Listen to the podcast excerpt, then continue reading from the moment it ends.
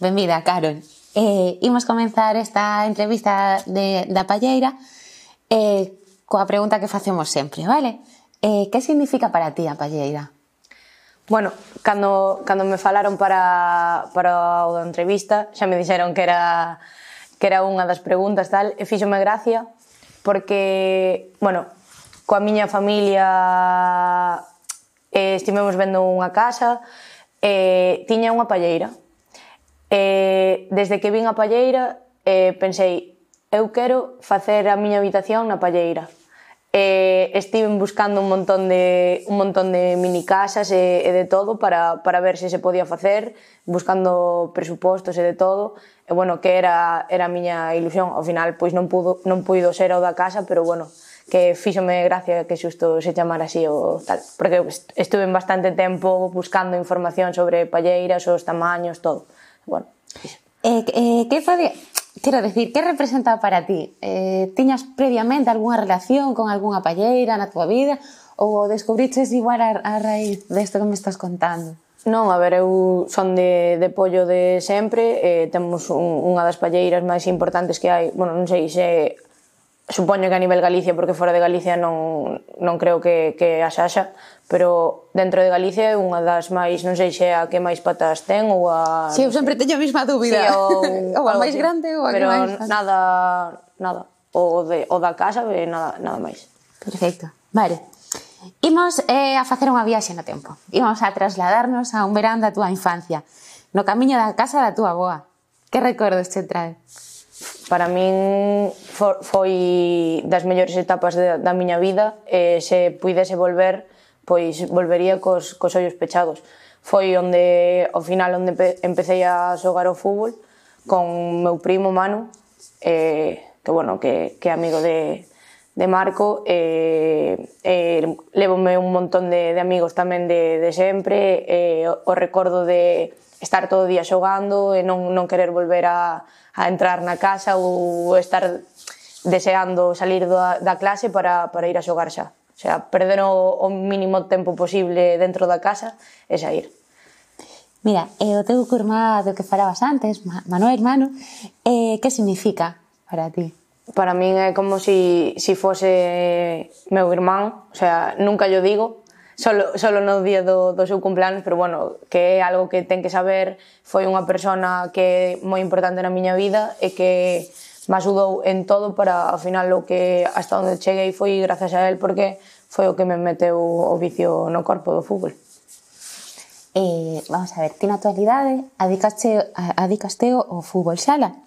Pero creo que hai outro deporte por aí que practicaches de nena, e contanos un pouquiño como, como foi esta historia. Foi foi o fútbol, bueno, eu fixen tenis e eh, gimnasia rítmica tamén, que cando conto eh, non, non mo creen, pero bueno, sí que fixen, porque unha das miñas primas eh, foi entrenadora no Saraiva, que é un club de pollo tamén, e eh, bueno, miña nai quería que fixese gimnasia rítmica e eh, meteume aí. Meteume en tenis porque a gimnasia pois non me gustaba meteume en tenis e non me gustaba tampouco. Pasaba o ben, pero eu quería xogar ao fútbol. E despois, eh, un dos mellores amigos da, da miña infancia, Diego, Diego o pai, pois, é, é amigo da, da miña familia tamén, e, sen decirlle nada a miña nai, colleu e levoume un entrenamento un día. E, nada, pois desde esa.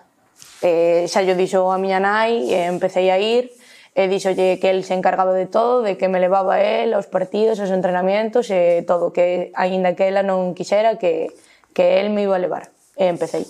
Non te da, bueno, é unha sensación que teño, non sei se, se se cumple, pero sí que é certo que, que moitos deportistas eh, de élite ou profesionais parece que de pequeno sempre fixeron algún deporte máis e tiveron que fa, tiveron que ter esa decisión igual ou como, como é no teu caso, non? Eh, que entre un deporte ou outro, quero decir, é porque mm, Eh, eh, eh, sodes disciplinados a, a hora de, de, de adestrar e, e demais? Ou quero dicir, a xinasia rítmica aportouche eh, certas cousas que logo pudieches aplicar no fútbol sala ou... A ver, eu de, de cada deporte que fixen levome, levome algo. Eh, bueno, a disciplina eu creo que unha persona que fai deporte pois ten que ter para se queres a ver, se queres chegar a, a certo nivel, pois tes que ter unha disciplina. Eu creo que é máis que o deporte axudoume despois no resto da, das cousas da miña vida, a nivel estudios ou responsabilidades, axudoume máis o deporte que o resto, sabes? Claro. para, tal, pero non sei. Non sei, non sei explicarme moi ben aí. Entendo. Eh, eh, vamos a ver, eh, eh xogaches na selección galega, na selección española nos Xogos Olímpicos da Xuventude. Eh, con que te quedas? Bueno. A ver, é que son cousas diferentes. A, por nivel, pois obviamente quedome coa selección eh, de distancia, pois Buenos Aires foi increíble, pero a selección galega ao final é algo que a min encántame, pero encantábame, o sea, era o mellor de toda a temporada, para min era ir convocado coa selección galega, aparte son Xogabades en Nadal, non? Por aí, eh, os sí, partidos. Sí, empezábamos a entrenar en outubro ou así e xogábamos en Nadal sempre. Eh, como son, coas persoas que xogaba son miñas amigas, entonces pois era algo moi guai ir ao campeonato, estar unha semana coas túas amigas, un hotel, xogando, tal.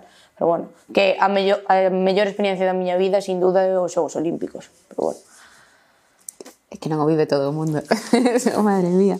Eh, eh, un, bueno, un momento histórico como xogadora quizás que podría ser eso ou algo importante para ti na, na túa trayectoria. A ver, é que son cousas diferentes. Coa selección galega tamén estuve en, nos campeonatos de España pois é importante, igual a Copa Xunta co, co Pollo, a primeira Copa Xunta, non porque fose a miña, sino porque foi a primeira do club, Entonces foi increíble, a parte tiña 15 anos, acababa de, de chegar a primeira con xente que para min foi eh, a, onde eu quería fixarme, quería chegar a ser como elas, eh, foi increíble vivilo con, con eles que, bueno, que a día de hoxe son, son amigas miñas tamén, inda que me leven moita, moita idade, e que eu creo que son amigas porque foi algo que, que nos uniu. entonces non, non sei quedarme cun, cunha cousa todo o que vivín do fútbol eu creo que se non, se non xogase non, non podría vivirlo. O sea, non, podo, non pode explicarse con palabras, se non o vives non, non se pode. Sodes como unha pequena familia, quero decir, sí. eso era unha eh, alegría compartida, claro que... Sí. Al final é, é máis as persoas que, claro. que te levas ao acabar que, que o que gañas. Mira, eh, Como notas o cambio dos partidos polo tema da pandemia, de que non haxa público, eh, e influe a hora de xogar, non sei se notades ese calor que aquí a afición que tendes. A ver, este, este ano está sendo complicado, eu levo todo o ano lesionada, estou empezando agora a arrancar outra vez, pero bueno, que xa queda, queda moi, moi pouco, estuve vivindo desde a grada, pero bueno, que eu como xogador a ver a grada vacía eh, por moito que eu animase, pois era eu sola con tres personas máis, eh, notase como moi frío, moi ao final o deporte non non é só xogar, eh necesitas de de xente que te que te que te arroupe, que este contigo, notar notar que a xente te fala, te anima, senón o sea, sí que se nota gran cambio, a verdade, pero bueno. Aparte que como que temos que estar todas como máis nunha burbuxa, non sei. É un ano raro. De, claro. bueno, complicado. De todas formas, eh, é interesante que que vos tendes como mínimo eh, seguindos por streaming unha media de 350 persoas por partido, eh, proseccións, bueno. Eh, que pensas diso? Eh, non sei ver, se non, notades eso tamén de alguma maneira. Non sei se 350 persoas, a verdad, eh, triste para ser primeira división, eh, sabes, penso que debería velo moitísima máis xente, pero tam tamén creo que é complicado chegar a polas redes sociales, ao final bótase por un canal de, de Youtube que non todo o mundo pode ver, tal, eh, non se nota porque ti estás xogando un partido e non estás pendente... Non tendes ese feedback ainda que No, se claro, eh, se o vemos despois, pois, eh, bueno, miraron o partido, non, non notamos os ánimos, non tal, claro. pero bueno que bueno, que tamén é gratificante ver que 350 personas que fieles, todo. claro, que poderían estar facendo outra cousa e eh, non perder, sabes, tempo mm. da súa vida vendos, pois están aí apoiándonos de alguna forma ou de outra, pero bueno. eh, eh, Carol, eh, que te fixo decidirte entre fútbol sala e o fútbol 11? Bueno, aquí é eh, a bronca miña prima Sonia, que é a irmán de, de Manuel, e a, a Litos, que foi o, o meu primer entrenador de fútbol sala. Romperonme a cabeza moitísimo tempo, porque eu estaba con en fútbol, eu ao final xogaba o fútbol porque iba cos meus amigos, pasaba, o sea, gustábame ir non por pasar o, o rato. E al, ao final, pois, eh, romperonme a cabeza, fun a probar, ao principio non me gustou, e deixei no, e volvín ao fútbol. E despois, eh, como empezaba no instituto, eh, ao final era complicado jugar, eh, xogar con, con nenos porque era como o marimacho. Entonces foi como un cambio de entro no instituto, quero xogar con rapazas, eh, estou nun equipo de rapazas e eh, tampouco eh, así. Eh, empecé en fútbol sala por eso. Eh, eh, técnicamente notaches moita diferencia entre un deporte e outro ou claro, entre entre quero decir, eh, si sí, entre eh, deporte totalmente eu, ao principio é moito máis rápido, non? Eh, claro, ao eh, principio costábame muitísimo, eu agora non que, que sea moito mellor, pero digo, de pequena costábame máis. Eh, en fútbol penso que non hai que ser tan ter ma, tanta ser boa técnicamente, en fútbol sala penso que algo tes que ter. E a min ao principio costábame, aparte que xogaba o, o Pollo tiña unha canteira increíble, xogaba con rapazas que eran boísimas, siguen sendo, algunhas están xogando na élite do fútbol, o sea, que bueno, que foi algo que me axudou tamén a mellorar a min, xogar con esa xente. Que aínda que tiña a miña, a miña mesma idade, pois eran moito mellores que a min no deporte. Eh, mira, eh, cales son as túas aspiracións no, no fútbol de forma laboral? No, quero dicir, nun futuro. A ver, nun futuro é complicado porque vivir do do fútbol nestos instantes sí que se pode vivir, pero do fútbol sala penso que non por ahora. Espero que en algún momento se, se poida, pero bueno, sempre ao final penso que O sea, eu antepoño os estudios a, ao fútbol, ao final. Estás estudando, perdón. Sí, estou, estou, estou na universidade, estudio Cafiz. Eh, a ver, sí que eh, moito tempo, o sea, a mitad do tempo da miña vida é xogando fútbol. E ao mm. mellor teño que faltar a moitas cousas de clase por, por, por o fútbol, porque viaxo, porque xogo, porque entreno, pero de cara ao futuro sei que os estudios son o principal, non, xogo, non xogar ao fútbol sala. Entonces, non sei, mentras poida compaxinar, pois pois fareino, pero senón Claro. Eh, eh, como foron os seus primeiros campeonatos na base? Eh, para ti cando comenzaste? A ver, eu foi experiencias increíbles porque, sinceramente, eu pensaba, non pensei nunca que poidese, xa che digo, que poidese chegar nin á selección galega. Cando me chamaron a primeira vez, pois foi increíble. Pasei, pasei no genial, a verdade. E, nada, despois, pois, desde que fun a primeira vez, pois xa éramos como un grupo de amigas, tal, foi, foi increíble. Eh, non sei explicar. E, como é o feito eh, de que eh, na selección, bueno, tanto na galega como na española. Eh, son as túas compañeiras, pero logo son as túas rivais na liga, no? Como, sí. como se vive? A ver, eso? eu se eres miña amiga fora da pista, dentro da pista non ten nada que ver. Xa mesmo coas miñas compañeiras do equipo, ao final somos compañeiras, pero estamos traballando. Eu vou, claro. vou a competir contigo para xogar, chegar ao fin de semana e xogar. Obviamente ten que ser unha competitividade sana, pero dentro da pista, se queres xogar, pois tens que tens que olvidarte de amistades e, e de todo. Pero bueno, que unha, unha cousa é dentro da pista e outra cousa é fora. E fora. E hai algún partido que te quedará grabado na túa retina e como especial? Mm, igual por especial o, o da primeira Copa Xunta porque eh, había moitísima, moitísima afición, eh, non sei, igual pola afición, pero non sei decir, nos Xogos Olímpicos foi increíble porque a, os hinchas de, Ar, de Argentina, eh, o sea, son hinchas do fútbol e viven no todo, era increíble, pero non sei, ahora mesmo pois non, non sei decirte un partido, verdad? Mira, e, e onde ves o futuro do deporte femenino tanto a curto como a longo plazo? Parece que hai un cambio, un...